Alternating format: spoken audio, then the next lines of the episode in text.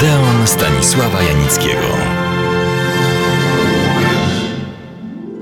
I tak dotarliśmy z naszą bohaterką do Hollywood. Nazajutrz po przylocie wezwana została, uwaga, niepoproszona przez głównego szefa wytwórni pana Hughesa do jego biura. Jakie role pani grała i w czyich filmach? Zaczęłam wszystko opowiadać szczegółowo, ale pan Hughes słuchał bez specjalnej uwagi. Wreszcie po kilkunastu minutach, żebym już poszła i że okazji do rozmowy będziemy mieli jeszcze wiele. Szybko zorientowałam się, że w przewidzianym poprzednio czasie dwóch tygodni nie zdążę doprowadzić rozmów do końca. Zatelefonowałam do Rzymu, do męża i powiedziałam mu o tym. Milko zareagował w ten sposób, że zaczął mi przysyłać sążniste depesze pełne dobrych rad i autorytatywnych instrukcji. Trzeciego dnia pobytu w Hollywoodzie dostałam wysokiej gorączki. Wezwany lekarz stwierdził ciężką grypę i powiedział, że muszę pozostać w łóżku około dwóch tygodni. Hughes wcale się tym nie przejął. Z rozmowy telefonicznej z nim odniosłam nawet wrażenie, że jest z tego bardzo zadowolony, iż próbne zdjęcia odbędą się później. Może zależało mu na tym, bym nie opuszczała hotelu i nie komunikowała się z nikim. Czyżby się obawiał, że mogą spotkać się z innym producentem? O tym, że moje domysły były słuszne, przekonałam się wkrótce po wyzdrowieniu. Dostałam od pewnego reżysera z Rzymu list rekomendacyjny do Charlesa Widora.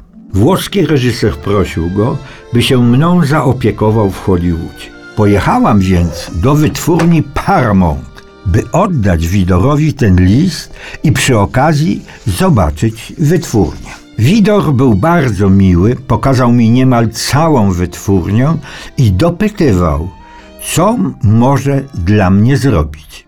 W biurze Widora spotkałam również słynnego reżysera Cecil DeMilla, zaskoczonego moją obecnością w Ameryce. Powiedział mi, że kompletuje obsadę do swego nowego filmu i że właśnie zastanawiał się nad moją kandydaturą.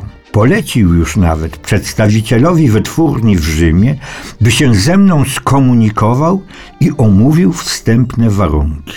Jeżeli pani tu jest, powiedział, to mogę długo czekać na odpowiedź z Rzymu. Ale żart na stronę.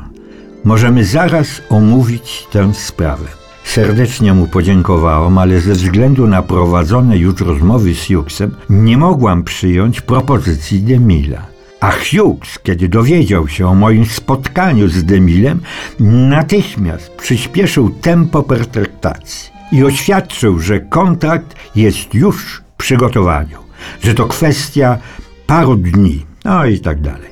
Prosił mnie również, żebym nigdzie się nie pokazywała, bo to zepsuje plany jakiejś kampanii reklamowej. Musiałam zrezygnować z kilku ciekawych spotkań, bo twierdzono, że to zaszkodzi kampanii reklamowej. Nie wierzyłam w to ani trochę.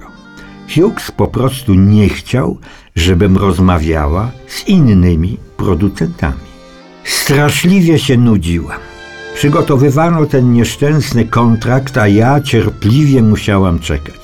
Pewnego dnia Hughes zorientował się, że nie może mnie dłużej pod kluczem trzymać i zaproponował wyprawę do słynnych lokali rozrywkowych miasta Las Vegas. Polecieliśmy tam samolotem pilotowanym przez Hughesa. Dwa dni, właściwie dwie noce, niezmordowanie krążyliśmy od kabaretu do kabaretu. Nie ominęliśmy oczywiście kasyna gry. Spróbowałam szczęścia przy ruletce i wygrałam 200 dolarów. Wreszcie zmęczeni wróciliśmy do Hollywoodu. W drodze Hughes żartował, że teraz, syta wrażeń, mogą spokojnie czekać choćby i pół roku. Mylił się jednak.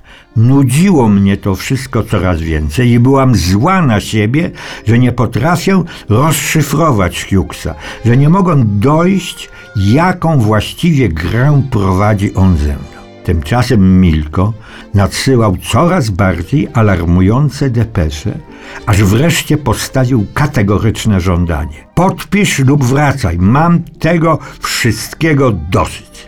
A o tym, co działo się dalej, opowie Państwu Gina Lollobrigida już za tydzień. Do Odeonu serdecznie zapraszam.